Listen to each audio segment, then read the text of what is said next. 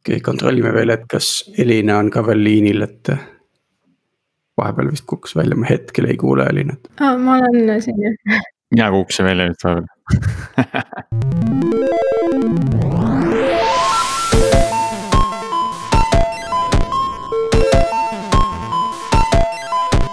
tere taas kuulama Algorütmi, täna on kahekümne kolmas aprill, mina olen Priit Liivak Nortalist ja koos minuga on stuudios Tiit Paananen Veriffist järjekordne Algorütmi episood salvestub taas Squadcasti virtuaalsest stuudiost. see on juba siis viies saade, mida me teeme kodukontoritest. meil on seekord külas Andres Vahter Starshipist ja Elina Šaškovitš Kübertime OÜ-st. tänane teema on meil varasemast oluliselt tehnilisem ja kindlasti on see hea maiuspala just uudishimulikele programmeerijatele. räägime Rust programmeerimiskeelest. tere, Elina ja Andres tere. äkki te tutvustate ennast äh, paari lausega, et millega te tegelete ja mis teie taust on? kust, kust kandist te tulete, mis valdkonna inimesed te olete? alustame, Andres, äh, äkki sinust? Nonii, alustame minust. kus me siis pihta hakkame? ma ei tea, ma hakkan pihta aastast kaks tuhat viisteist, kuna sel aastal, mil ma Rustiga esimest korda äh, tutvust tegin. et vaatame sealtpoolt. ühesõnaga hästi palju on Hacker News'i kogu aeg on seal väga põnevaid asju ja mulle, mulle tundus, et kaks, kuskil kaks tuhat neliteist sügis ja kaks tuhat viisteist kevadel oli seal niimoodi, et eh, kord kuus mingisugune huvitav jutt eh, sellise programmeerimiskeele kohta nagu Rust. ja, ja miks see mulle huvi pakkus, oli see, et Rust müüs ennast eh, kui suurepärast asendust C ja C plussile. et me vist nagu kõik oleme kokku puutunud paljude probleemidega, mida need keeled endaga kaasa toovad. igasugused memory safety probleemid ja kõik sellised ja siis ma mõtlesingi, et peaks hakkama uurima, mida see, mida see endaga, mis see endast kujutab. et kui, kui mina seda esimest korda kasutama hakkasin, siis oli versiooni numbriks null üheksakümmend viis. et sealt hakkas. aga Andres, mm -hmm. enne kui sa hakkasid Rusti uurima, mida sa oma varasemas elus oled teinud? oma varasemas elus äh, võib-olla üks, äh, oma varasemas elus ma põhi, põhiliselt olen tegelenud embedded süsteemide arendusega. Äh, näiteks olen olnud äh, osaline S-Cube'i juures, et minu firmware ja minu elektroonika on lennanud kosmoses. Äh, see sai kirjutatud, kusjuures seda ei kirjutanud ma ka C-s, et seda sai kirjutatud ühes C-laadses keeles nimega Nessi. Äh, ja Nessid ma kasutasin sellepärast, et ma olin mitu aastat tegelenud igasuguste sensorvõrkudega ja tuli välja, et sensorvõrkude, traaditi sensorvõrkude maailmas ka ei tahetud C-d kasutada et nad olid loonud endale mingisuguse sellise hübriidse keele nimega Nessi. ja see seal, selle, selle, see pidi nagu mitmeid probleeme jälle seejuures lahendama, igasugused atomic plokkidega ja kõikide selliste asjadega seotud asjad, et oleks lihtsam neid võrke kokku panna. Äh, mis veel? Defendec oli see jah, kus ma töötasin. et peale seda ma läksin, see oli ka kaks tuhat viisteist aastal, kaks tuhat viisteist on sihuke väga pöördeline aasta minu jaoks. et kaks tuhat viisteist aastal ma läksin siis Starshipi, Starship oli siis täiesti alguses, nad olid vist aasta aega niimoodi äh, varjus tegutsenud ja olid jõudnud sellisesse punkti, kus hakati äh, inimesi järjest juurde palkama. et äh, mingisugused prototüübid robotist olid juba olemas ja neil oli vaja siis uusi sartsüsteemide programmeerijaid, sest need esimesed prototüübid küll juba natuke liikusid, aga väga palju tööd oli seal veel teha. nii et ehk siis jah, kaks tuhat viisteist alustasin tööd Starshipis startsüsteemide programmeerijana. Eh, põhikeeleks oli seal loomulikult C, mis on siis praegu endiselt embedded süsteemide peal kõige eh, laialdaselt levinum eh, keel. ja samas tegelesin ka siis Linuxi, Linuxi poolega, kuna need embedded süsteemid pidid kuidagi selle main compute'iga liidestuma, nii et Äh, tegin, tegelesin seal ka kerneli driver'ite arendamisega ja muu sellise. Sinu, äh, sinu süsteemi, süsteemi, süsteemi jah, süsteemi pro programmeerimisega. hästi, hästi low level, mulle tundub. Äh, minu kogemus jah, on täiesti, täiesti raualähedane, et siis selles mõttes on sul õigus küll. et mm -hmm. mina olen suurem osa ajast kirjutanud täiesti sellist raualähedast koodi. kuigi viimasel ajal olen ma mõned kihid ülespoole roninud, aga jah, suurem osa kogemus on puhas raud mm. -hmm. väga hea, Elina, kuidas, äh, kuidas sinu taust on? Äh, millega sa varasemalt oled tegelenud enne kübertaime? Äh, mul on ka tegelikult üsna sarnane taust selle koha pealt, et enne tegelesin ka SART-süsteemide arendamisega, olin siis äh, SART-süsteemide insener Kraakulis, mis on selline hästi väike tore firma, kus sai põhimõtteliselt nagu väga väikses tiimis, kas või üksi või kahekesi või siis noh, tõepoolest nagu firma ise oli minu liitumise hetkel seal oli umbes alla kahekümne inimese kindlasti, et siis sai äh, väga kiiresti õppida erinevate projektide arendamist täiesti nullist siis lõpuni välja, et äh, nagu täiesti raua lähedalt äh, ja siis töötava prototüübini. Ja seal ma tegelesin, seal ma äh, programmeerisin ka põhiliselt C-s ja C++-is või noh, tegelikult muid keeli ma ei kasutanudki. ja mingi hetk mul tekkis nagu selline tunne, et äh, võiks olla mingisugune nagu parem alternatiiv ka olemas, kuna kui ma hakkasin nagu tegelema selliste asjadega, kus ma näiteks äh, põhimõtteliselt disainisin mingit API-t, siis äh, mulle tundus, et ma tegelen hästi paljude asjadega, mis võiksid olla juba lahendatud ja millega ma ei peaks tegelikult jändama niimoodi ja siis põhimõtteliselt nagu hakkas tekkima ka huvi Rasti vastu, et enne ma teadsin küll, et see on olemas, aga enne mul ei olnud sihukest tugevat huvi, et äh, mõtlesin, et äh, saab küll hakkama C ja C++-iga, et äh, ei ole vaja nagu uurida teisi asju. ja siis ma hakkasin äh, põhimõtteliselt nagu katsetama graafika programmeerimisega Rustis, sest äh, see pakkus mulle ka huvi. see on põhimõtteliselt siis äh, see programmeerimine, millest äh, noh, mis siis puudutab näiteks mängumootorite arendamist ehk siis erinevate. see on vist valdkond, millega sa täna tegeled, eks ole? jah, ja tegelikult nagu nad on üsna lähedased äh, valdkonnad mingil määral, et äh, kuigi ma ei pea siin driver eid kirjutama ega selliseid asju tegema otseselt, äh, siis ma pean ikkagi mõtlema, kuidas suhelda näiteks GPU-ga ja kuidas äh, mälu äh, kasutada optimaalselt ja nii edasi, et äh, noh, selles mõttes ikkagi süsteemi programmeerimine ikkagi sihuke raualähedane kood, et, et ei saa nagu ei, mitte mõelda mälu peale või siis selliste riistvara lähedaste küsimuste peale. aga nüüd, kui me läheme natukene üldisemale tasemele tagasi, et äh, vaatame nagu, kust Rust tekkis, kes olid algatajad. Äh, mis oli see motivatsioon, et äh, mis seal taustal on um,? no tegelikult um, ma tegelikult alustan alustan üldse sellest, et ühte põhilist definitsiooni on vaja siin aru saada, mis on siis pointer ehk siis mäluviide ja noh, see tegelikult võtab kokku väga paljusid küsimusi, millega Rust tegeleb. näiteks C, C, C++-is on kasutusel null pointer ja äh, pointer üldse viidab siis mingisugusele mäluaadressile ehk siis äh, sinna võib andmeid kirja panna teatud formaadis siis, et see nagu õigesti töötaks. või siis äh, neid andmeid võib edasi kasutada erinevates äh, programmi osades ja näiteks kui äh, erinevad programmi osad äh, kasutavad seda mäluaadressi samal ajal, siis võivad tekkida igasugu huvitavad vead, mida isegi kompilaator siis ei, ei ütle nagu õigesti, mis äh, vigadega tegu on. ja sa hakkad neid taga ajama võib-olla päris mitmeid päevi või isegi nädalaid, et kui on keerulised äh, programmid ja süsteemid nagu mingid operatsioonisüsteemid või siis kus on hästi palju lõimesid Äh, või siis noh, on jah, netiga suhtlust ja erinevaid äh, muid siukseid operatsioonisüsteemi äh, osasi. ja põhimõtteliselt äh, C ja C standardid on sellised, et äh, mingid asjad on seal hästi konkreetsed aga ikkagi, kui nullist äh, keelt tehti, siis see, mis mälukasutust ja mäluhaldust puudutab, siis seal on nagu ei, ei ole olemas päris nagu äh, konkreetseid standardeid.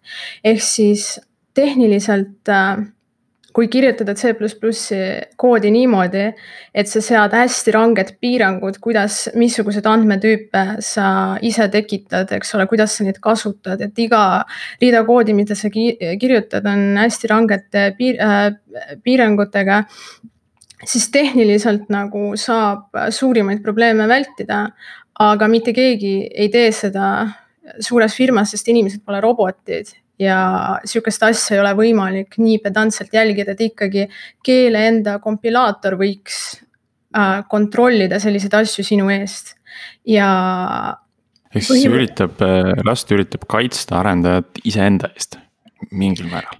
jah, põhimõtteliselt äh, seda räägitakse ka hästi palju et äh, noh, sihukest asja ei ole, et umbes nagu, et sa ei peaks oskama programmeerida, eks ole, vaid see on lihtsalt see, et äh, selle asemel, et äh, see mäluhaldus oleks täielikult äh, programmeerija enda kaelas, ehk siis sa pead iga kord pedantselt vaatama, kus võiks, kus kasutatakse mingisugust äh, mäluaadressi näiteks, eks ole. ehk siis nagu pointerit on ju, mis sellega tehakse näiteks. sihukest asja sa ei pea tegema ja lihtsalt selline olukord on nagu C ja C++-is, et isegi kui sa jälgid seda hästi pedantselt, siis sa ei saa olla kindel, et see on täpselt niimoodi, nagu sa enda peas ette kujutad, et seda kasutatakse. sellepärast, et jällegi nagu sihukest konkreetset nagu standardit või arusaama, mis järjekorras äh, mingil hetkel seda kasutatakse ja mis sellega tehakse, ei ole olemas ja sellepärast on nagu C, C++-is, mitte ainult sellepärast, aga Äh, ka sellepärast on see, et C++-is olemas selline arusaam nagu undefined behavior ja siis ähm, ehk siis defineerimata käitumine. ja, ja siis on nagu hästi huvitavad häkid olemas, kuidas põhimõtteliselt kompilaatorit ära petta. et äh, kui C, C++, C, C++-is on äh, siis avalikud ja privaatsed klassid võimalikud, eks ole, sest see on objektorienteeritud keel ja tehniliselt peaks olema niimoodi, et sa ei tohiks ligi pääseda privaatsetele muutujatele või funktsioonidele. seal, kus nagu ei tohiks nagu neid kasutada, eks ole. ja siis, kui sa kompilaatorit petad teatud moodi, nagu kirjutad koodi nagu niimoodi, et sa petad kompilaatorit, siis põhimõtteliselt sa saad ka ligi sellistele andmetele, et neid kasutada edasi koodis ja mhm. see on lihtsalt nagu sihuke ekstreemsem näide võib-olla, aga tegelikult hästi palju täiesti tavaline olukord on see, kus äh, nende pointeritega tingitud probleemidest tekib siis selline olukord, et näiteks mingisugune muutuja, mis tegelikult ei peaks olema number või siis mingi karakter, on tegelikult mingi teine muutuja ja seda kasutatakse vastavalt, siis andmed on korrumpeerunud, andmed ei vasta sellistele, sellisele formaadile, nagu nad peaksid olema. ja kõik lihtsalt äh, taandub lõpuks selleni, et puudub nagu konkreetne standard äh, mälu äh, ümber ja pole nagu kompilaatori keele enda tasemest siis implementeeritud selline robustne süsteem ja see on täpselt see, mida Rust üritab siis teha. ma saan aru, et äh, tegelikult ta Rusti poole peal ei ole see mäluhaldus ka sellise, selliselt äh, ära juhitud, nagu näiteks Javas on. kus siis Java võtab täielikult kogu selle mäluhalduse kontrolli enda kätte, eks ju, arendaja ei tea sellest midagi. et Rust on ikkagi kuskil seal C ja Java vahepeal, siis saan ma õigesti aru? Äh, jah, Rust, selles mõttes Rusti trumpkaart ongi selles, et ta teeb kõiki nagu neid äh, mäluhalduse asju ilma prügikoristuseta. ehk siis nagu Java ja sellised kõrgema taseme keeled äh,, neil on prügikoristus. ehk siis nad äh, nagu nad põhimõtteliselt kustutavad siis ära või jah, nad eemaldavad ära neid viited, mis ei ole kasutusel, ehk siis sa ei saa nagu, sa ei saa kasutada mittekasutusel olevat mälu. ja, ja siis sa ei saa nagu, sinu eest koristatakse neid asju pidevalt, sa ei pea jälgima mälu kasutust. aga sihuke, sihuke keel ei sobiks äh, ena-, enamike süsteemi programmeerimise rakendusteks, sellepärast et äh, sul on vaja nagu ise kontrollida seda, kus sa mälu kasutad, missugust mälu sa kasutad, kui palju sa seda kasutad ja äh, ja see noh, ja siis siiamaani pole olnud nagu reaalset äh, tõsist alternatiivi nagu C ja C++-ile, mis siis teeks seda ilma prügikoristuseta. huvitav, aga mis mis Mozillast see alguse sai, et, et siin on mainitud ka Graydon Hoari, kes hakkas seda ajama, et mis tema motivatsioon seal oli, kui ta seda hakkas, hakkas uurima? ja hiljem Mozilla seda ka nii-öelda sponsoreeris um,? ma kahjuks ei oska tema motivatsiooni täpselt öelda. mina arvan, et ma tean motivatsiooni. ma arvan, et see motivatsioon seisnes selles, et vaata see mingi pure to own äh,, äh, mis ta on see, ühesõnaga, kus need brauserid testitakse, on ju. et kui kiiresti saab brauseri ära own ida, et, et siis tõenäoliselt Firefox avastas, et, et neil neid igasuguseid äh, mäluga C, C++-ist tingitud äh, mäluvigu ja muid asju nii palju, et nende brauser tavaliselt kahe minutiga ära õunitakse. et peaks nagu kuidagi enda turvalisust äh, tõstma. et, et ilmselt ikkagi kuskilt sealt see nagu pihta hakkas, lihtsalt see C++ koodibaas on nii keeruline, et sa, sa ei saa kirjutada sellist koodi, kus sul ei ole mingeid imelikke äh, mäluga valesti ümberkäimise asju. et küllap nad tahtsid lihtsalt teha enda asja palju turvalisemaks mina arvan, et see motivatsioon on seal. see tausta, taustalugu ja, ja need motivatsiooni mõtted on väga huvitavad kuulata tegelikult, see on väga tähtis aru saada, kust see keel tuleb, et mõista. et äh, mil-, millisteks eesmärkideks teda täita, kasutada yes, saab. kas, kas ei olnud ka Microsoftil siin, ma nüüd seda täpset protsenti ei mäleta, aga nendest CV-dest, et nad nagu tegid enda statistika, et kui palju on äh, siis äh, samamoodi. Buffer overflow ja sellist, jah, sellistega, äh, sellist moodi sellistega seotud CV, CV-si ja tuli välja, et see oli kas noh, ma ei täpselt ei mäleta, kas oli seitsekümmend või kuuskümmend protsenti või no ühesõnaga kindlasti üle, üle poolte.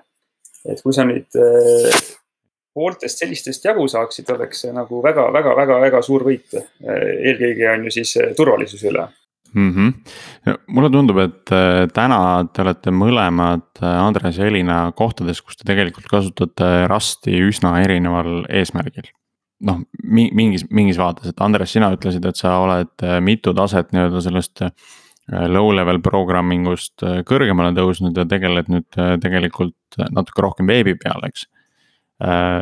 olen ma õigesti aru saanud, et sa kasutad seal lausa Rusti, et kirjutada veebi või, või saan ma midagi? no mitte päris, selles mõttes, et ütleme nii, et mis see, mis see veeb nüüd minu jaoks on, on ju, et minu jaoks on äh, veeb ikkagi seal kuskil väga, väga back-end'i tasemel ja sealt võib-olla veel kuskil, kuskil allpool.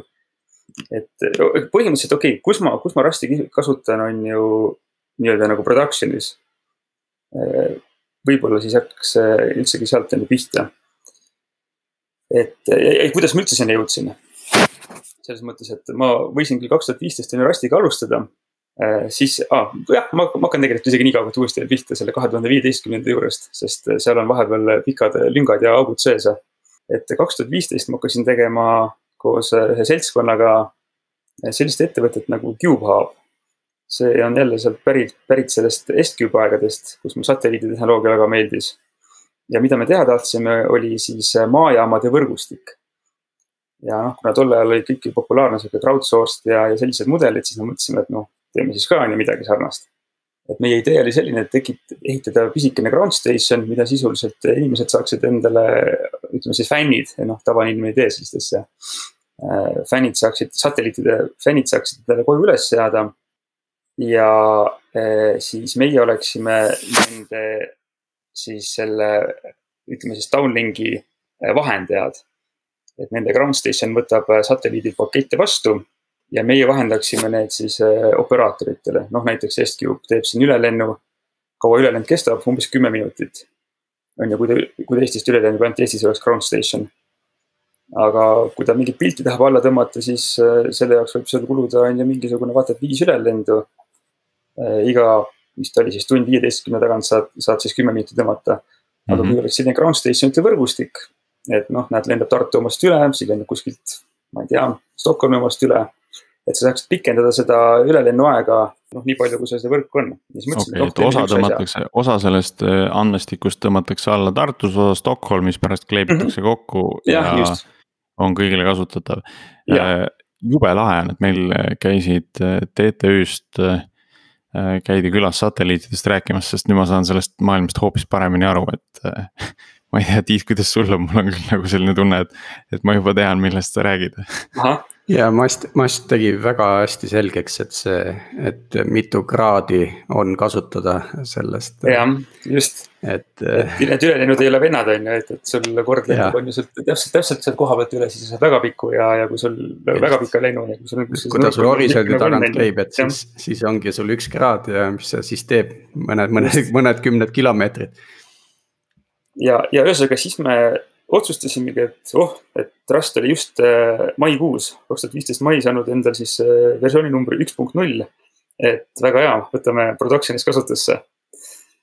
ja, ja siis äh, meil oli süsteem niimoodi üles ehitatud, et selles väikeses ground station'is on äh, selline Raspberry-laadne pisikene Linuxi masin. ta ei olnud küll Raspberry, ta oli tegelikult oli mingisugune Odroid, kus oli võimu palju rohkem ja seal peal oli siis eh, software defined radio aplikatsioon, mis oli samuti mul eh, Rustis kirjutatud. see on siis selle jah, tarkvarapõhine raadio, et sa saaksid neid parameetreid konfida eh, just nii, nagu sul parajasti see satelliit seal on. et ei peaks see nagu rauaga olema seotud. ja siis meil oli MQTT baasil tehtud selline noh, back-end'i pool, et kõik need ground station'id ühendasid, ühendasid MQTT-ga serverisse ja siis server koordineeris, et ahaa, sina asud, on ju, ma ei tea, Stockholmis, sina asud kusagil seal. ja, ja, ja siis äh, satelliit lendab, on ju, noh, siukseid trajektoorid nad on, järelikult ta läheb nendest ground station'ist üle. ja siis õigel ajal saadeti nendele ground station itele ette need parameetrid, et näed, sellest ajast pane enda see raadio tööle äh,. Confi parameetrid selliseks, selliseks ja, ja hakku kuuluma ja kõik paketid, mis kätte saadad, saadab mulle tagasi. et, et ühesõnaga sellise ägeda asja tegime. mis, mis te kirjutasite, oli tegelikult üsna universaalne, et see ei olnud kuidagi seotud siis äh, ühe satelliidiga, vaid pigem. Te saatsite ja. ette nii-öelda vaata ja. selle, sellise sageduse pealt äh, sinna suunda. jah, vaata sellise sageduse pealt ja, ja kõik need kommunikatsiooniparameetrid olid ka erinevad, sest noh mm -hmm., sat võib seal ükskõik mida saata, on ju. et neid kõiki sai tarkvaras niimoodi konfida. et sihuke päris äge vigur oli see läheb nüüd Rustist väga kaugele, aga. no ta, ta oli Rustis kirjutatud. aeglase, see oli selle aeglase, aeglase ühenduse track imiseks, seepärast et kiire ühenduse, mis sa seal, seal on sul vaja suunda antenni ju põhimõtteliselt on ju. ja seda küll, et äh, me äh, just noh, me vaatasime ka seda, et, et kuidas nagu teha, on ju, et kuidas see MVP valmis saada ja siis tundus, et noh, kõige lihtsam on võtta, on ju see, mm, mis ta oli, see nelisada neljasaja kolmekümne kolme megahertsi lähedased alad, ma isegi täpselt ei mäleta, mis sagedus oli, aga kuskilt sealt on, on see lubatud ala nendel satidel.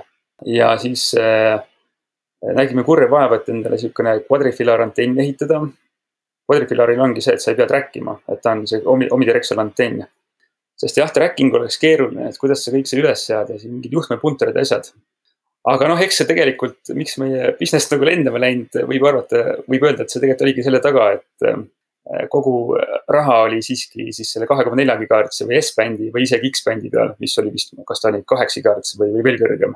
et noh, tegelikult ikkagi tahetakse kasutada äh, neid bände ja noh, nende jaoks ground station ehitamine on juba oluliselt keerulisem. ja et sealt, sealt see asi nagu jäi soiku. et seal, seal oli omajagu sellist ka riistvaraga suhtlust, eks ole, et mille jaoks siis see Rust on, on just sobilik vot niivõrd-kuivõrd, et kuna kogu see asi meil jooksis iseenesest on Linuxi peal ja, ja me kasutasime neid mm, USB otsas käivaid STR, software defined radio dongleid. et siis noh, selle jaoks tegelikult tee mis keeles tahad, on ju, aga lihtsalt meil oli selle Rusti vastu huvi. et mm -hmm. siin ei olnud nagu, ütleme, ütleme, et Rustil ei olnud mingit väga head eelist tol hetkel. aga kuidagi olime sellises positsioonis, et tead, et teeme, teeme teistmoodi, teeme, teeme, teeme me Rustis selle asja mm. -hmm. ja muidugi. versioon üks üks null on väljas, et siis juba võib ja. ka ja no, hakkame minema.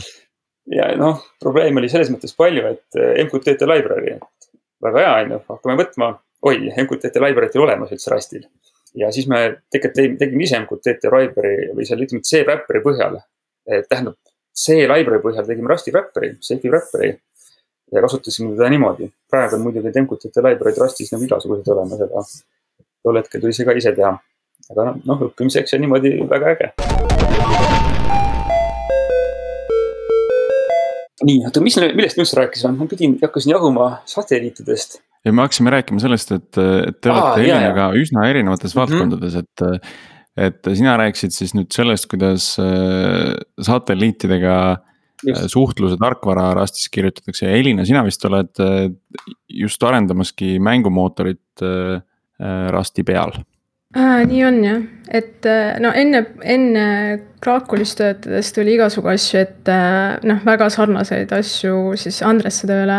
aga siis tõepoolest äh, ei saanud nagu või ei kasutanud Rusti ja nüüd äh, mängumootori ja mängu enda programmeerimine on täielikult Rustis ja teen ma seda koos äh, Johan Taelaga, kes oli siis äh, Teleglitchi programmeerija ja üks Teleglitchi loojatest, mis oli kunagi siis Eesti esimesi arvutimängimise üüdistiimi ja oli siis äh, üsna edukas.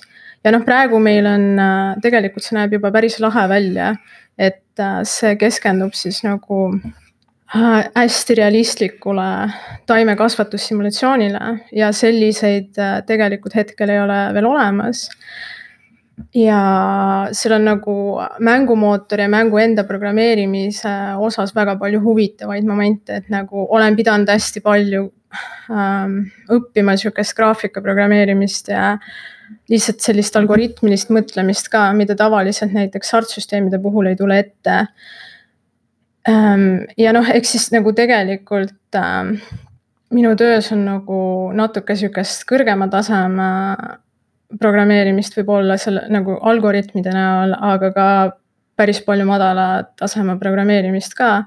aga see ei ole nagu selline nagu embedded'i puhul, kus peab siis, kus sul on nagu, meil lihtsalt tuli töös üsna tihti seda ette, et ähm, kirjutasime päris palju FreeRTOS-i jaoks asju või nagu suhtlesime päris palju FreeRTOS-iga või siis äh, ehk siis äh, reaalaja operatsioonisüsteemiga või siis jällegi Linuxi driver'id olid mängus, ehk siis noh, pidid kirjutama neid või siis äh, kirjutama hästi palju mitmelõimulist äh, koodi, mis on jällegi selline operatsioonisüsteemi laadne koodi kirjutamine ja siis äh, jah, sellist, päris sellist asja nagu ei tule enam mängumootori programmeerimises ette, kuigi peab päris sarnaste asjade peale mõtlema tihti mm. -hmm.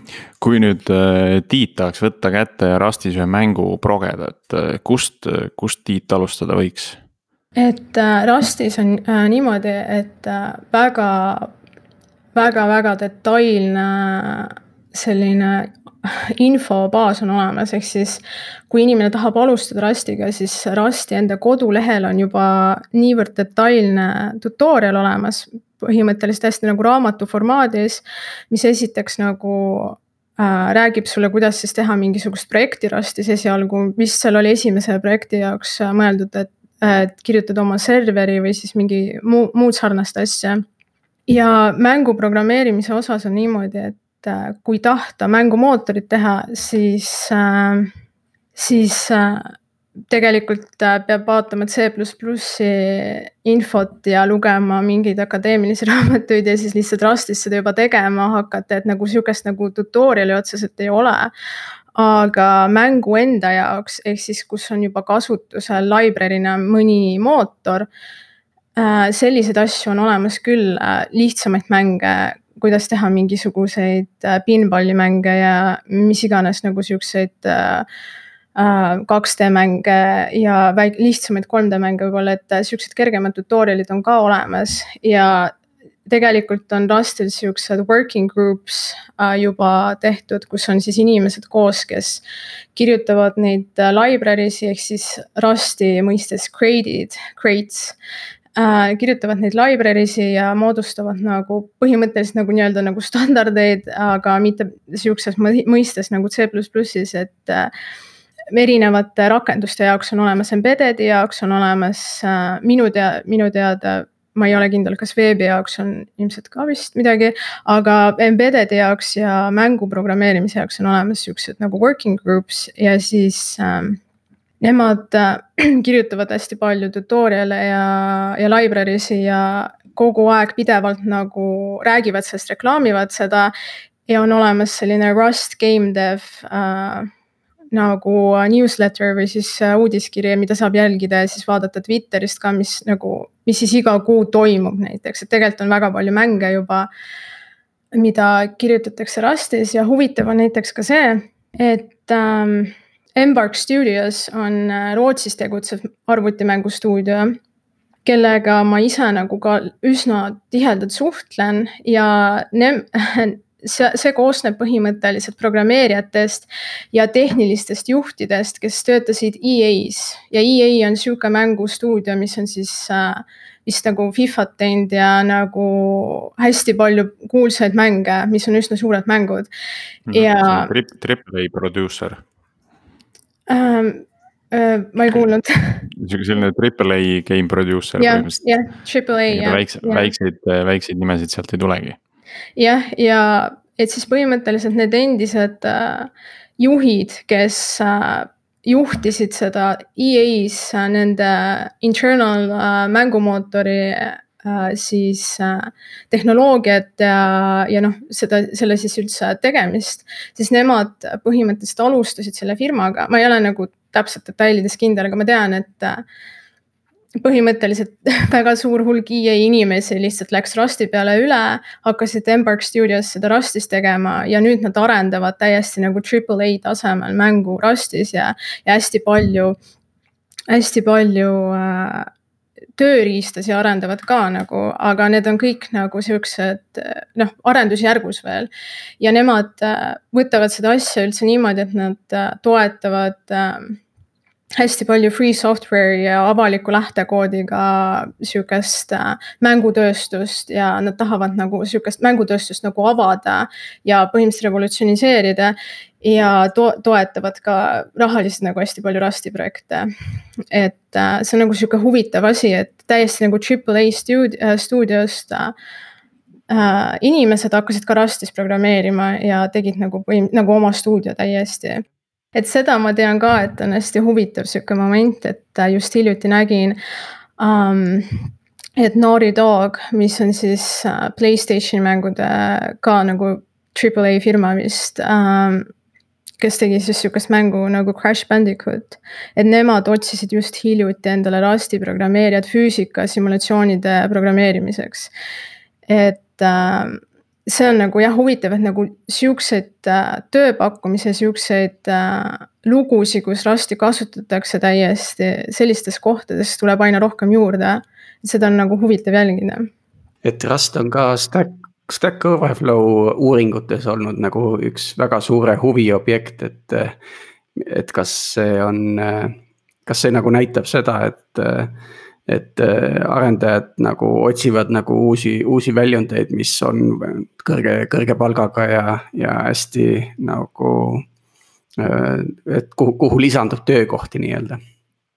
ma äh, ise mõtlen, et see on kindlasti nagu üks faktoritest, aga ma arvan, et see on nagu sihuke muna või kes oli esimene nagu, et muna või kana küsimus nagu, et, et mm, pigem on niimoodi, et inimesed nagu näevad probleeme praegustes süsteemi programmeerimiskeeltes nagu, kui nad kasutavad neid hästi tihedalt, hästi tihti nagu Rusti programmeerijate seas on inimesi, kes on mingi kümme aastat olnud C programmeerijad ja neil on see täiesti üle visanud ja samas nagu häid alternatiive pole olnud ja siis avastavad Rusti ja siis on lihtsalt sihuke rõõmumoment, et tõepoolest nagu siin on kõik asjad niimoodi tehtud, nagu peaks olema.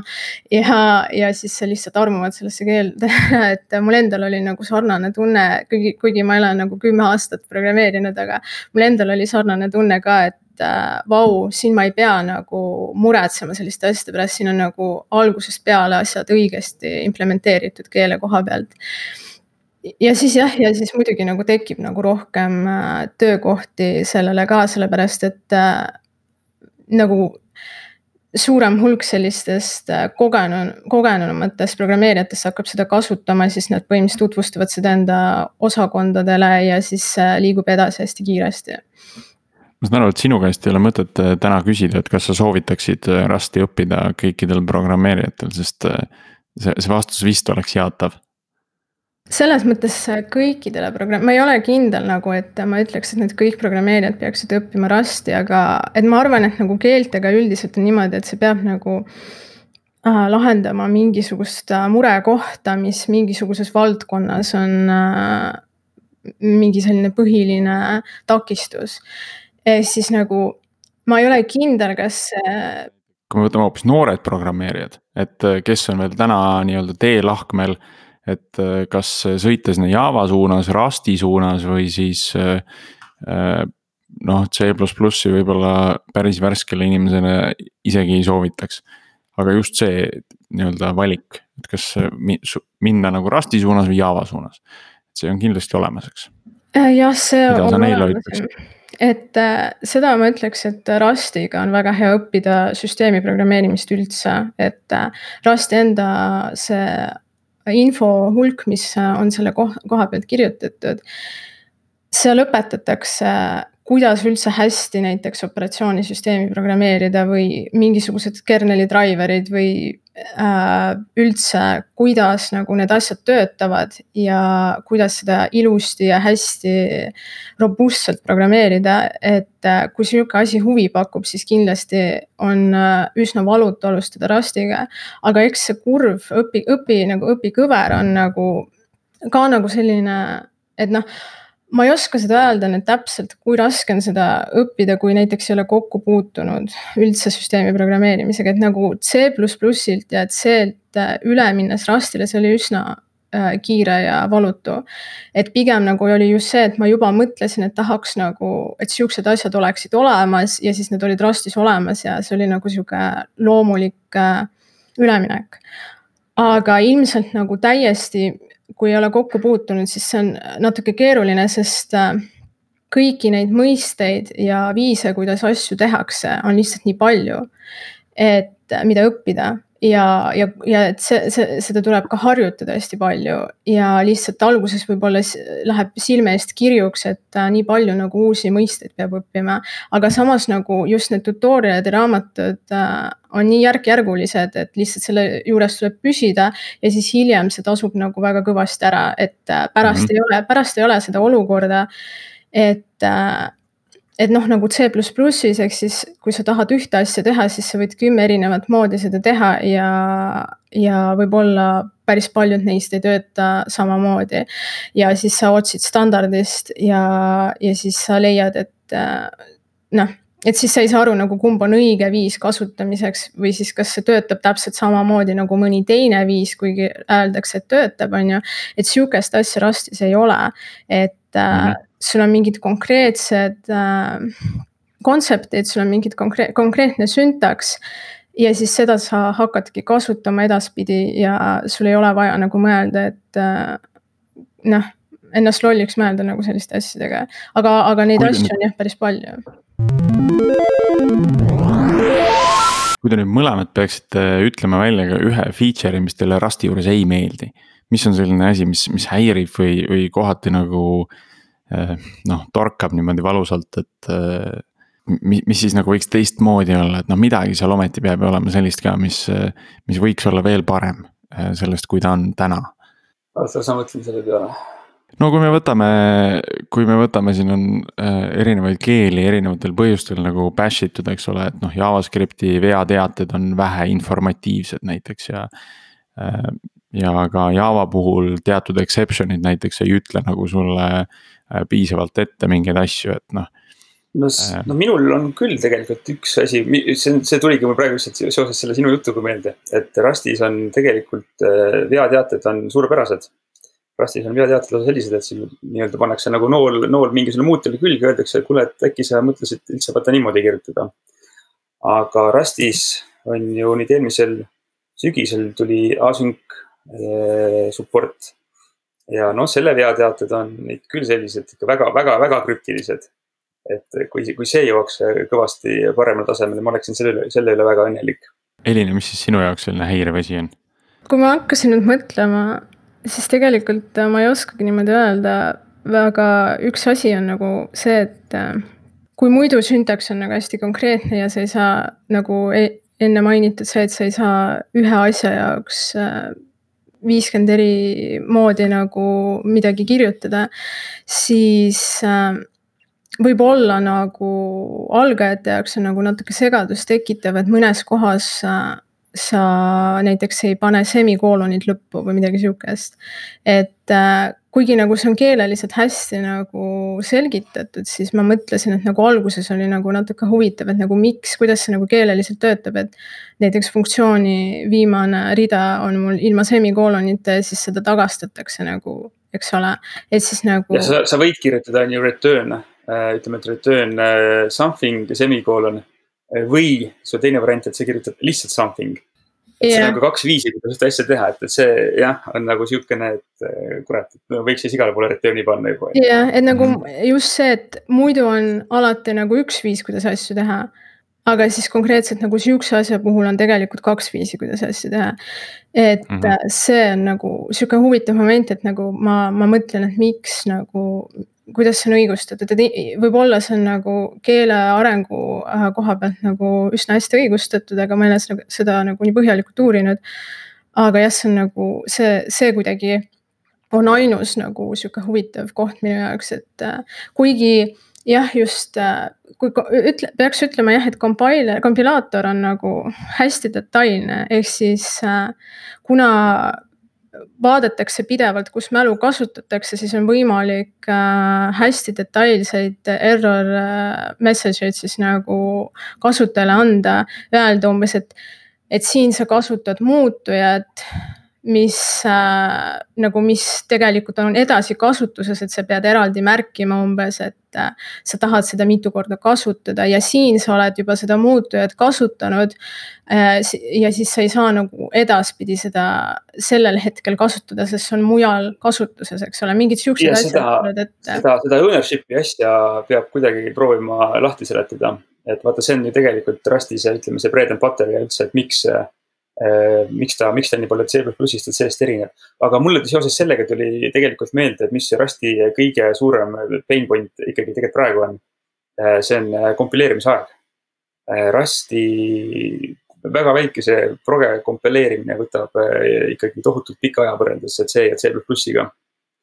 ja see on nagu kõige, kõige rohkem kirjutatud asi praegu Rusti juures, mis, mis mul nagu tegelikult pähe tuleb anna mingi näide, sest mul üldse ei, ei hooma seda, et kui sa võtad ütleme natukene suurem kui Hello World äh, rakendus, mis, mis see kompileerib? Hello World, ma arvan, et Hello Wordi kompileerib mingisugune kaheksa sekundit või midagi sihukest. okei okay,, kui me võtame nagu pisut suurema asja, mingi ma ei tea, tuhat. ma arvan, mingisugune, ma arvan, et see on mingisugune tuhande rida koodi või lihtne selline väga lihtne veebiserver või midagi sellist, see võib olla juba ikkagi mitukümmend sekundit tegelikult Äh, tegelikult äh, sellega on niimoodi, et äh, kuigi see on tõsi jah, et no ütleme, et alati pole kompileerimisaeg sihuke nagu C-l või C++-il, siis tegelikult compiler, kompilaatorid saab kom, kompilaatori kiirused ja kompileerimiskiiruseid ja seda nagu missugune äh, missugune siis binary või nagu missugune executable nagu põhimõtteliselt äh, tekib sellest nagu, kui suur see tuleb, seda kõike saab reguleerida,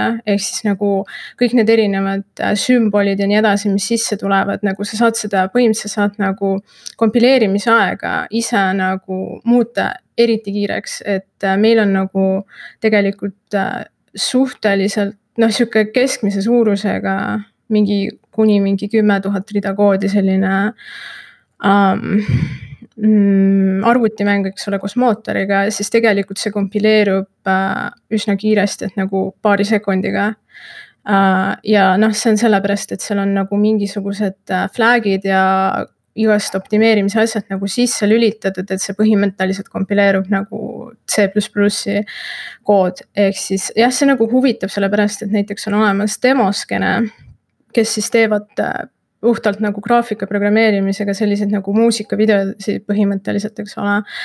ja nemad on alati teinud C ja C keeles nagu põhilist või siis assembly's asju selleks, et eriti programm oleks eriti väike, et hästi palju oleks kasutusel häkke ja noh.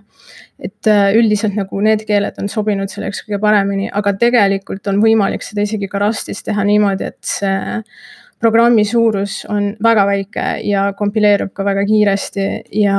seal peab vist olema rohkem seda, seda skill'i, et neid õigeid flag'e õigesse kohta peale pookida, eks ole. ei, minu meelest see ei ole tegelikult nii, et sa neid flag'e nüüd nagu nii palju timmima pead, et ega sul, ega sul nagu väga palju neid hoobasid ei ole niimoodi kätte antud ju.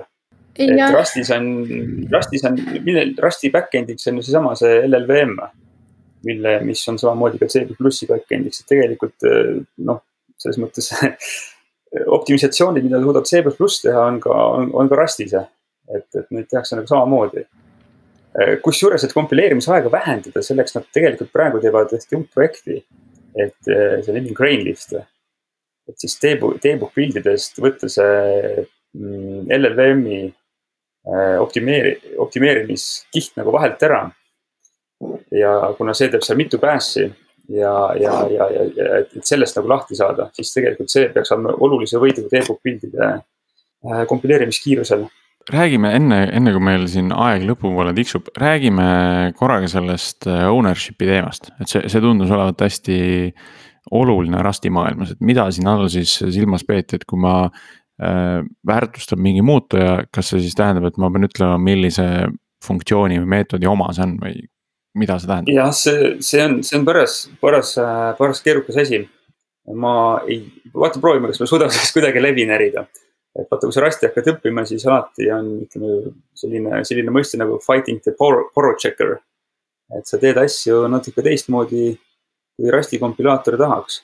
põhimõtteliselt on siis rastis kolm sellist võib-olla siis kontseptsiooni või et on siis ownership, lifetime ja siis see, seesama see borrow asi. et see justkui saab õnne... laenuks midagi võtta. jah, just see nimi ütleb, ütleb väga hästi, mida ta teha tahab, aga vaata proovime seda nüüd kuidagi seletada ka siis, et äh, sisuliselt ownership, ütleme, et sa, ütleme, et sa jah, tõesti teed mingi muutuja, et äh, muutujaid tehakse lasti, rastis selle let keyword'iga, et ütleme, let võrdub kolmkümmend või midagi sihukest, on ju et tol hetkel see tähendab seda, et sellel, sellel samasel let var võrdub kolmkümmend, et var, varri käes on siis ownership. aga nüüd sa saad teha mitu trikki sellega. sa saad ownership'i äh, muut, muuta, et kui sa järgmisel real võib-olla ütled siis hoopiski, et äh, ütleme, et tegelikult see kolmkümmend võib-olla isegi hea näide, sinna peaks võib-olla mingisugune, mingisugune suurem asja külge panema, kus oleks mingisugune strukt sees. objekti. jah, et jah, et mingisugune objekti, et siis oleks nagu pointeritega ka sest Ütleme, äh, tavalised, jah, tavalised primitiivid, neid sa copy'd, et seal ei ole nagu seda, noh, seal ei teki seda probleemi iseenesest. jah, sul on mingisugune strukt, kus sul on mingisugused väljad, on ju, ütled, et näed, et see let võrdub, let s võrdub see strukt. ja nüüd sa tahad selle strukti näiteks mingisugusele funktsioonile anda, et kas ta seal sees prindiks midagi või muudaks midagi, et mida, mida ta sellega teha saaks, on ju. ja, ja nüüd sa Rasti maailmas saad seda mitut moodi teha et tal on nüüd siin hunnik neid igasuguseid ampersandi moodi märke. et kui sa selle muutja lihtsalt kaasa annad äh, funktsioonile niimoodi, et ütled, et näed. S, S läheb sinna funktsiooni sisse ja ongi nii, siis see tähendabki, et selle ownership mm, läheb sellele funktsioonile ja nüüd, mis iganes see funktsioon seal sees sellega teeb, ütleme, et ta tegelikult prindib lihtsalt välja mingit välju sealt. Äh, nüüd läheb see funktsioonist välja ja nüüd sa tahaksid endiselt sedasama muutujat kasutada, mida sa ennem selle funktsiooni olid andnud, siis Rust hakkab kohe sinu peale röökima, et kuule, et, et see on juba move itud sinna funktsiooni sisse, et tead, niimoodi ikka teha ei saa, on ju. ja et kuidas sellest pääseda, siis sa teed sellist asja nagu borrow. et see tähendab, et sa nagu laenaksid seda ownership'i sellele konkreetsele äh, funktsioonile. ja see ownership'i saab laenata kahte moodi, saad laenada seda siis nagu nagu on siis nagu, ütleme võib-olla siis nagu konst on ju, et, et sa lihtsalt loed väljusi. või sa teed ka sellele muutusi. Äh, see on siis nagu jah, see, see, see näeb välja nagu referentsi päästmine. ja, ja, ja selliseid kohti, kus sa oled välja laenanud äh, nii-öelda mutable'ina äh, neid sa pole koodis ainult ühes kohas korraga, sest muidu see asi läheks, läheks, läheks kõik sassi, sul tekiksid samad probleemid nagu on sees.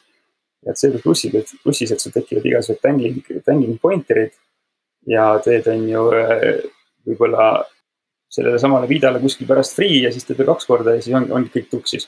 et Rust, Rust jah, Rust ei luba selliseid asju nagu teha, on ju. arendaja peab ise defineerima, ütlema selle, kas see objekt, mida ma nüüd edasi annan, kas see on mutable või see on äh, või, või see on ja. copy, eks ole. Äh, ja see on, see on hästi noh, kui ma ütlen käsitsi juhitud, et siis selles mõttes, et nagu hästi käsitsi juhitud, et, et seal on ikkagi ranged piirangud, et kuidas ma seda saan teha. ja see yes, siis aitab raskel seda nagu, mälu seda, paremini optimeerida. just, seda on kuidagi nagu väga raske seletada, et rastis on sihuke asi nagu, mis nagu eh, compiler driven programming. et sa teed alguses nii, nagu sa tahaksid teha nagu või C plussiga, et paned sisse ja vaatad, mis sul kompilaator ütleb, mis sa tegelikult nagu panema pead ja see, kusjuures see töötab nagu väga hästi. Et kompilaator sulle tegelikult ütleb väga lausa, lausa niimoodi nagu inglise keeles ette, et kuule, näed, et noh, seal seda kasutati seal ja nüüd kasutatakse seal allpool, et tegelikult nagu niimoodi teha ei saa. et äkki sa tahaksid niimoodi teha ja noh, siis ütleb see, et näed, pane sinna apelsand näiteks ja, ja, ja, ja kõik nagu läheb. ei teagi, seal kuidagi oleks vaja väga oleks vaja kuidagi väga pingutada, et see seletus nagu normaalseks saaks, kuidagi väga raske on seda nagu edasi anda. aga sa, äh, sa tegid seda väga hästi, mul on äh, vähemalt äh, parem pilt ees kui enne. Jah, sama asi, vaata, ma mainisin selle, ma mainisin ka ära nagu need lifetime'id, et äh, Rust track ib äh, siis äh, kompilaatoris, kompilaatori tasemel, või nagu ütleme, metadata tasemel iga, iga muutuja lifetime'i ja, ja seetõttu sa ei pea ise kunagi nii-öelda free tegema ühelegi objektile. et Rust teab ise, et kui muutuja läheb on ju skoobist välja, et tema lifetime saab läbi, et siis ta tohib seda vabastada mm. -hmm. et see on selline compile, compile time garbage collect põhiliselt, et, et oskab nagu õigel hetkel eh, sinu koodi sisse kompileerida selle pointerite vabastamiseks jah. just, just läbi selle, et ta nagu, track ib seda. jah, ta track ib seda, on ju, aga seda selles mõttes jah, tehakse nii, et, et, et kui sa oled lifetime'id või ütleme, et kui sa tahad teha midagi imelikku, kus need lifetime'id ei match'i. Et, et sa tahad mingit muutujat kasutada peale selle, kui tema skoop läbi ja noh, ütleme, et sul on funktsioon, on ju, kus sees sa stack'i pealt eh, defineerid endale mingisuguse muutuja, siis annad referentsina kaasa selle. Eh, kuna selle muutuja lifetime on siis põhimõtteliselt on selle funktsiooni, siis selle funktsiooni sisu jooksul ainult. siis Rust hakkab sinu peale kohe röökima, et kuule, et sa ei saa sealt referentsi kaasa anda. Et sees, ma ei teagi, ilmselt sa mingi warning'u ikkagi vist saad, et kuule, tead, et asi vist päris õige ei ole, aga ma, ma olen päris kindel, et lubab sulle selle lõbusalt kokku kompileerida. kuigi see tegelikult on tohutu suur viga. sest sa saad põhimõtteliselt kaasa endale mälu, on ju, mis on, mis on, mis on juba vabastatud ja siis kasutad seda ja noh, siis on, siis on nagu asjad tuksid. siis on sul kohe on ju see, see fault nagu tulemas et Rust ei, Rust ei luba sul sellist asja kokku kompileerida. kuskil väga, väga hea, kuskil väga hea quote oli see Rusti kohta, et mis ta, mis ta nagu on, on ju, et kui, kui enam-vähem nagu see on siis portable assembler või midagi sellist, on ju, et siis, siis Rust on safe C. et siis, kui Andres väga nagu ilusti rääkis äh, ownership ja borrowing äh, kontseptitest siis Rustis, siis ma tegelikult sellele lisaks tahtsin veel nagu natuke rääkida näi-, näitega raamatute või siis mingi päris objektide näol, mis meil nagu päriselus on ja siis nagu öelda, et kuidas see on siis nagu C++-is ja, ja, ja kuidas see erineb nagu, kuidas see on siis Rustis nagu, et Kuule, ma ei tea. äkki, äkki, äkki, äkki sa peaksid tegema seda, sest see on nagu sihuke üsna, üsna crucial asi, et kui see normaalselt ära seletada, see oleks nagu väga-väga suur võit. ma, ma arvan, et ma ei, ei jäin sellega natuke jänni iseenesest. ei, see tegelikult oli, see tegelikult oli hästi nagu ma ise nagu kui sa ei oleks nagu alustanud niimoodi, ma ise oleks ka hakanud nagu ka ilmselt nagu jääksin ka jänni, et see on nagu sihuke, sihukest asja nagu ei mõtle iga seda päev. seda on kõige parem äh, seletada siis, kui sul on nii-öelda see editor ees ja sa teed mingit lollust. ja kui yeah. sa näed, et neid error message'e, mida see Rust ütlema hakkab, et siis ja siis sa nagu saad aru sellest, et mis, millest nagu üldse jutt käib kui sul yeah. keegi niimoodi baaris äh, tooli, tooli kõrval on jaluti ja sul hakkab rääkima, sest et näed, vaata siin power checker on ja meil siin lifetime'id asjad, et et noh, ma arvan, et sa jõuad seda elud samamoodi edasi, et, et ega see, kas sa, kas sa nagu seda kuulama jääd, on ju. et sa pead nagu kuidagi väga-väga süvendama. ja et ma mõtlesin korraks, et äh, noh, ma muidugi ei tea, kas mu seletus nagu on piisavalt täpne või hea või mis iganes, aga lihtsalt mõtlesin, et see nagu, mis mulle klikkis lõpuks on see, et äh, C++-is nagu ei mõtle tihti selle peale, äh, kui ma näiteks panen mingisuguse muutuja kaasa mingisugusele funktsioonile, et siis kes on tegelik omanik sellel, on ju, et, et kellel on nagu luba seda muuta, kuhu see siis nii-öelda tagasi läheb nagu ja missuguses lõimes siis edasi seda kasutatakse, et mis sellega toimub siis, eks ole. et jällegi nagu noh, see standardite jutt oli, eks ole, et sellel nagu ei ole keele tasemeliselt seda väga hästi defineeritud, on ju. ja siis äh, Rustis on nagu niimoodi, et äh, kõik need kontseptid on nagu arvutiteadusli, arvutiteaduse mõistes väga vanad arusaamad, et siin ei ole mitte midagi uut. lihtsalt nagu need on, äh, need on siis äh, kompilaatorisse ja keele endasse, keele sisse nagu täiesti implementeeritud, mitte nii nagu C++-is. ja siis on nagu siuksed arusaamad nagu mitte kopeeritav muude et siis saab liigutada mingisuguseid andmeid ühest kohast teise. Ja siis äh, on kloonitav muutuja. ja siis on kopeeritav muutuja ja mitte kopeeritav muutuja ehk siis andmete liigutamine, see on umbes see, et ma annan sulle raha. nüüd on nad minu käest liigutatud sinu kätte. ja sa saad nagu nendega teha, mida sa tahad, mida iganes sa tahad põhimõtteliselt, eks ole.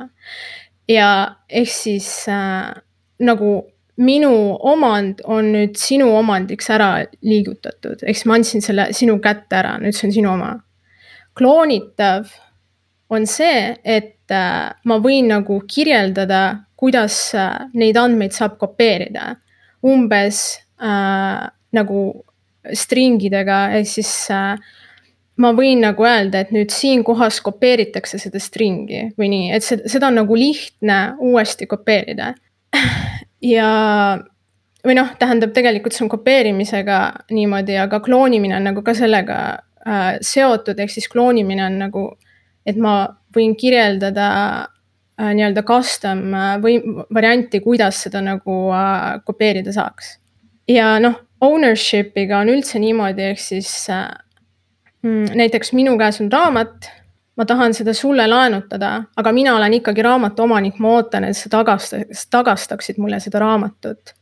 ehk siis ma annan seda sinu kätte, aga sa ei saa nagu äh, sa ei saa lehekülgi näiteks sealt välja võtta või seda ära visata, sellepärast et ma ootan, et sa tagastaksid seda mulle ja sa ei saa nagu muuta, ma ei öelnud sulle, et sa saad muuta midagi.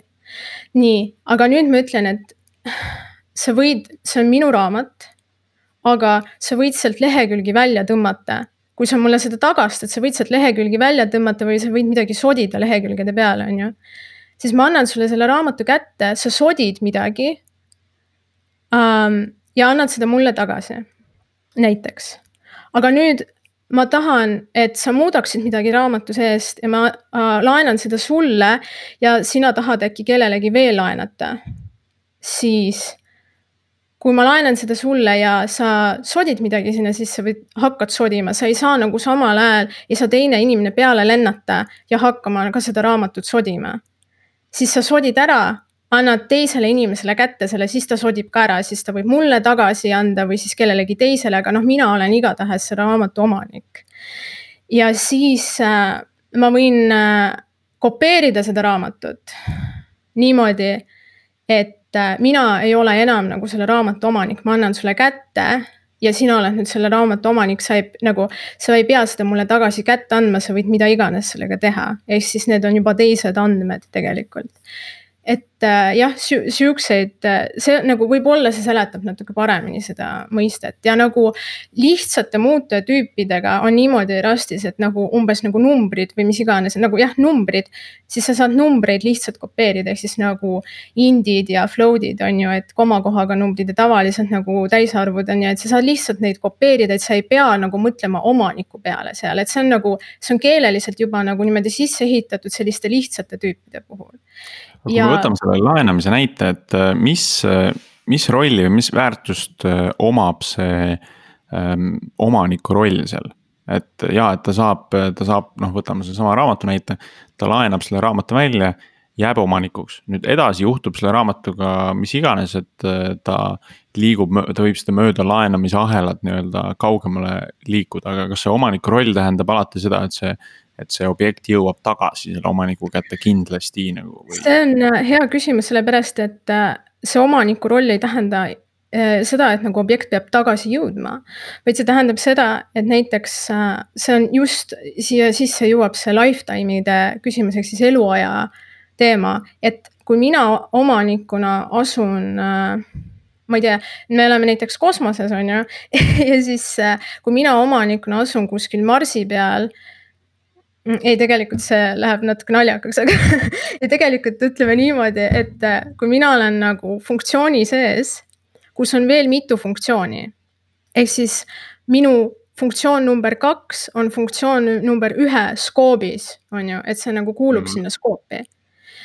siis see tähendab seda, et see, kus seda muutujat nagu deklareeriti, siis selle lifetime, selle eluiga on selle skoobi sees, kus see, see on funktsioon number üks, on ju. ja mhm. sinna kuul-, kõik kuulu-, kuuluvad funktsioonid number kaks ja kolm ja neli, mis seal on selle ühe sees näiteks. et see funk-, see muutuja elab nii kaua aga kui see on nagu kuskil mujal nagu skoobis ja ma lähen sealt skoobist välja, siis see näiteks nagu ma võin niimoodi teha, et see muutuja sureb ära ja siis nagu ta ei, teda, teda ei saa enam kasutada, on ju. ehk siis, äh, et tegelikult äh, lihtsate tüüpide jaoks ja nagu paljude sisseehitatud tüüpide jaoks on Rustis nagu juba nii-öelda implitseeritud nagu, kui pikk nende eluiga on. et on öeldud, et nagu üks skoop või kaks skoopi või mis iganes nagu, et, et see skoop, kus seda kuulutati välja ja sealt edasi, on ju.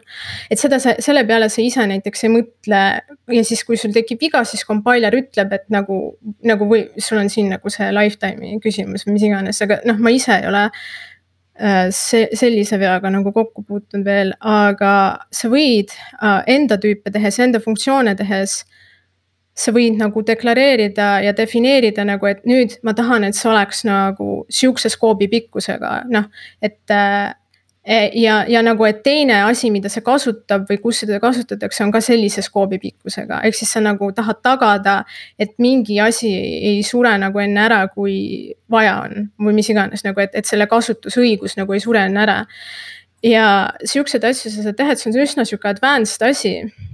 aga see nagu jällegi nagu läheb sinna sisse sinna nagu mälukasutuse sisse, et näiteks ma tean, et C++-is standardid, et nagu Äh, on sellised, et nad on mõelnud midagi sihukest teha, aga nad ei saa enam midagi sellist üldse teha, sest selle jaoks peab tervet keelt ümber kirjutama.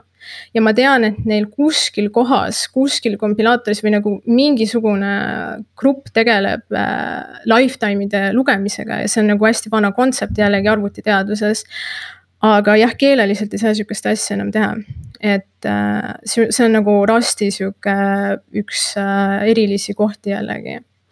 no C++-is on see, et sul on see legacy kaasas.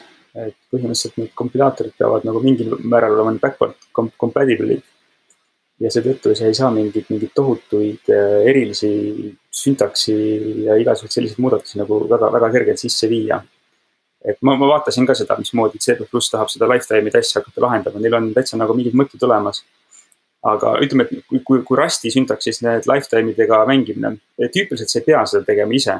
aga kui sul on keerulisemad andmestruktuurid, äh, siis sa, siis sa pead hakkama neid lifetime'i ise sättima.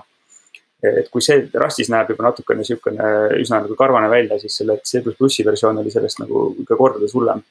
ja noh, nad, nad ei saagi seda kunagi päris heaks enam teha lihtsalt äh, selle legacy tõttu jah, ma ise, huvitav on see, et nagu selle mängumootori enda koodis me ei ole väga palju kasutanud nagu selliseid äh, custom andmestruktuure, kus me peaks nagu iga kord äh, ise kirju-, kirjeldama, kui kaua see kestma peaks või nagu missugune see lifetime võiks olla. see tuleb sul mängu siis, kui sa tegeled äh, viidetega põhiliselt, on ju ja, aga põhimõtteliselt üks programm, mida ma tegin nagu hobi korras nagu kiirte jälitusprogramm ehk siis ray tracing ehk siis, kus sa matemaatiliselt äh, äh, jah, täiesti nagu matemaatika ja optika abil äh, valemitega põhimõtteliselt kirjeldad äh,, kuidas joonistada pilti, on ju, et sa joonistad nagu kiirte füüsika abil mingisuguse kasvõi fotorealistliku pildi valmis lihtsalt selle alusel, kuidas mingisugune asi peegeldub, valgus peegeldub kuskilt või neeldub, on ju. et äh, ja selle alusel sa joonistad pilti, et sa ei kasuta mingit kolmnurki ega jooni ega midagi. siis seal oli niimoodi, et äh, ma kasutasin põhimõtteliselt ühes äh, struktis kasutasin äh, põhimõtteliselt nagu viidet objektile, aga Rustis see ei ole nagu viide objektile, vaid see on äh, viide mingisugusele omadusele nagu trait. ja noh, see nagu läheb hästi keeruliseks, aga lihtsalt. jah, kusjuures me ei rääkinud sellest ennem yeah., äh, sellest samast Rusti mudelist on ju, et see objekt orienteeritud versus, versus on ju, ma ei tea, data orienteeritud või kuidas seda Rusti yeah. nimetatakse. et ma korra, korra seda räägin ka jah. ja ma, ma seda korra nüüd mainingi mm -hmm. jah, et, äh, et põhimõtteliselt Rust, Rusti, Rusti mõistes oli siis mulle nagu äh, ühes andmestruktuuris nagu viide nagu teisele objektile põhimõtteliselt. ja siis, kui ma hakkasin seda koodis kasutama äh, siis oli hästi huvitav nagu, et mul, mul oli nagu äh, defineeritud ära selle lifetime ja ma saingi nagu kompilaatorilt siukse error'i, et ma tahan kasutada midagi, mis on nagu skoobist väljas ja et see, see nagu selle skoop lõpeb näiteks siinkohal, on ju, et ma ei saa seda sealt edasi kasutada enam. ja siis nagu mul tekkis sihuke ahaa-moment, et väga huvitav, ma ei ole nagu varem mõelnud selle peale, et äh, et ma nagu nüüd ma koodi kirjutades pean nagu skoopide peale ka mõtlema, kui ma tahan keerukamaid asju teha. et, äh, et nagu mingid asjad skoobist välja ei läheks, et see, see oli nagu huvitav moment. ja nagu see on, see tuli otseselt sellest, et C++-is on ju võimalik nagu teha virtuaalseid funktsioone ehk siis nagu tühjad funktsioon või nagu pointer, viide siis mingile funktsioonile. ja, ja siis äh, ma võin seda kirjeldada nagu teiste nagu objektide, teiste klasside puhul ma kirjeldan seda funktsiooni, et mul on nagu see alguses nagu tühi funktsioon põhimõtteliselt ja see, milline see funktsioon hakkab välja nägema, seda ma kirjeldan koodis edasi, on ju, näiteks on ju, C++-is on siuksed virtuaalsed funktsioonid.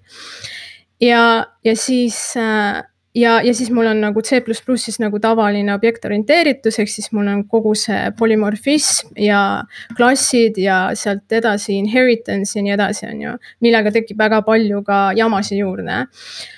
aga Rustis on niimoodi, et äh, kuigi sa saad andmeid äh, ja funktsioone lahus hoida selles mõttes, et sa ei pea alati nagu funktsioone äh, defineerima mingite andmetüüpide jaoks, aga sa võid seda teha.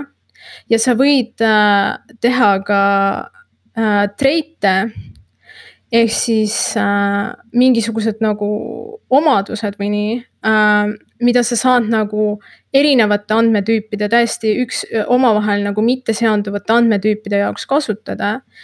ja see siis võib olla nagu funktsioon või mingi muu asi no see ongi, et vaata klass nagu enam-vähem proovib, proovib, proovib öelda, et, et kes see, kes see, kes see on, et on ta kana või koer või midagi, on ju. aga trait või siis nagu selline interface ütleb, et mis, mis sellega teha saab. seal on võib nagu see, see vahe jah, ja siis sa saad nagu jah, ja seda sa saad kasutada, oletame, mul on mingisugune andmetüüp A ja mul on andmetüüp B, mis on omavahel täiesti lahus ja mitte seotud andmetüübid, aga ma saan öelda, et ta kasutab nüüd seda omadust lihtsalt. ja nüüd see andmetüüp B ka kasutab seda omadust, näiteks ma tahan öelda, et mõlemad andmetüübid on kopeeritavad ja see on nende omadus, et ma saan nagu kirjeldada seda omadust, kuidas seda tehakse, et seda, seda Rust teeb ise ja siis ma nagu ütlen, et nad on kopeeritavad andmetüübid, on ju. ja siis ma võin edaspidi funktsioone ja mingeid andmetüüpe deklareerides öelda, et ma panen piirangud peale, et see mingisugune muutuja, mida ma ei ole veel välja kuulutanud, peab olema piiratud sihukese omaduse poolest, et umbes ta peab olema kopeeritav või ta peab olema mingi muu omadus, mis võib hästi keerukas olla.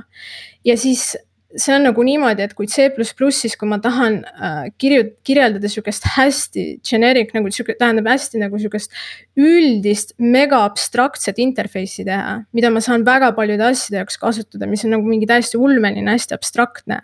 kus mul ei ole, kus mul on põhimõtteliselt kõik andmetüübid, mida ma kasutan, on äh, nagu äh, template'id või nagu mul ei ole nad äh, kuidagi defineeritud, ma ei ütle, et see on int, ma ei ütle, et see on mingisugune string, vaid see on lihtsalt mingisugune andmetüüp, on ju. siis kui ma tahaks mingit piirangut panna, et see andmetüüp peab olema nagu kopeeritav või mis iganes, siis kui ma C++-is tahaks seda üldse teha, siis ma ei saa seda teha.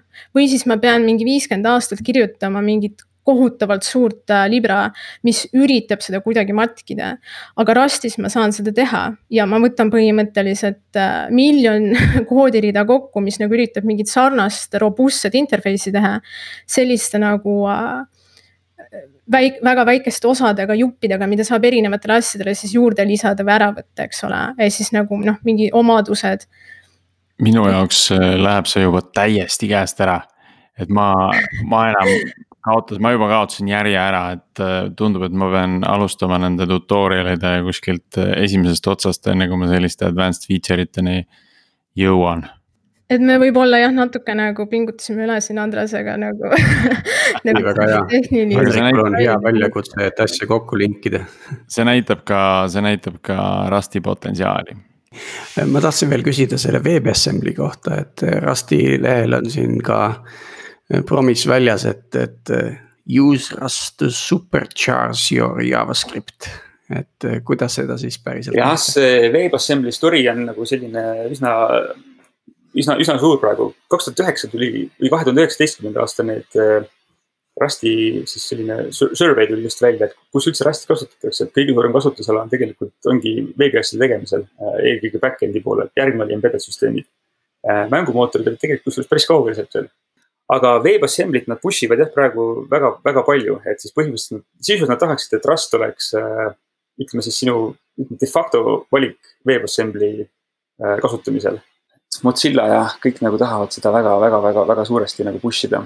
et see kõige ägedam asi oleks. aga enne kui me, enne kui me täitsa tänaseks otsa kokku tõmbame, et ähm, milline on äh, see Rusti community Eestis, et kas on äh, noh, kas, kas on ka selliseid meet-up'e või äh, community gruppe, mis siis mingil viisil noh, täna siis ilmselt virtuaalselt äh, kogunevad ja, ja Rusti teemalist äh, teavet vahetavad äh,? jah, et ma just alustasin sellise community loomisega Eestis põhimõtteliselt või siis sellise community kogunemisega Eestis märtsis ja esimene üritus, et siis selle, selle nimi on Rust Tallinn.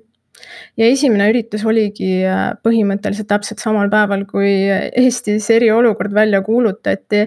ja see pidi olema füüsiline üritus, aga siis me lükkasime kõik nagu internetti. ja huvitav on see, et äh, kohe alguses nagu me valmistusime hästi korralikult ette ja andsime nagu nädal aega ette teada, millal see üritus toimub ja siis juba oli kolmkümmend registreerunud inimest ja isegi mõni inimene lendas nagu välismaalt kohale selle ürituse jaoks. ja, ja siis äh, selle nagu minu mõte oli ka selles, et tahaks nagu rohkem Rusti tutvustada Eestis ähm, üldse teada saada, kes Rusti kasutavad Eestis ja siis äh, teha selliseid üritusi, kus inimesed saavad programmeerida Rustis, kas äh, siis koos või teha erinevaid oma projekte või siis avaliku lähtekoodiga projekte. ja siis põhimõtteliselt nagu saaksid küsimusi esitada, õppida äh, Rusti paremini ja. mis selle meet-up'i tulevik on, kuna, kuna järgmine ilmselt siis virtuaalne kohtumine toimub? Äh, hetkel, ähm, hetkel me panime selle pausile põhimõtteliselt suveni, et praegu on lihtsalt nagu nii palju mingeid muid kohustusi juurde tekkinud, et natuke raske on nagu seda planeerida. aga jah, et arvan, et tegelikult järgmine tuleks nagu ka virtuaalselt ja siis, äh, et me jätkame ka sellega, et meil on nii virtuaalsed kohtumised kui ka füüsilised kohtumised. ja noh, minu, minu põhimõte on selline, et siis oleks nagu kõigi jaoks oleks nagu hästi tore selline mänglev ja, ja õppimisele ja, ja loomisele keskenduv keskkond, et äh, ja, ja seda ma teen koos äh, ühe Mozilla töötajaga ja kusjuures Rusti enda keelemeeskonna liikmega, mitte nagu äh, keelemeeskonna või nagu kompilaatori meeskonna liikmena, aga community liikmena siis ametlikult siis Rusti, Rusti keele community liikmena. ja Äh, tema organiseerib, on ka Euroopa vanima ja suurima Rusti konverentsi kaasorganiseerija.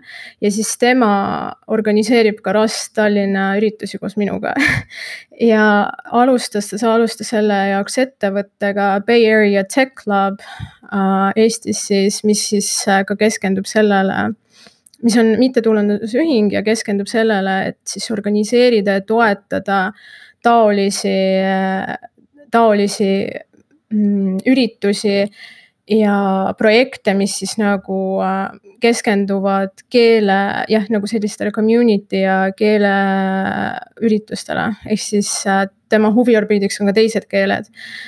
Ähm, et äh, kui huvi pakub, siis tegelikult meid saab toetada ja meiega saab ühineda ja koostööd teha siis niimoodi, et võib minna tallinn.rs leheküljele ja siis meist natuke rohkem seal lugeda.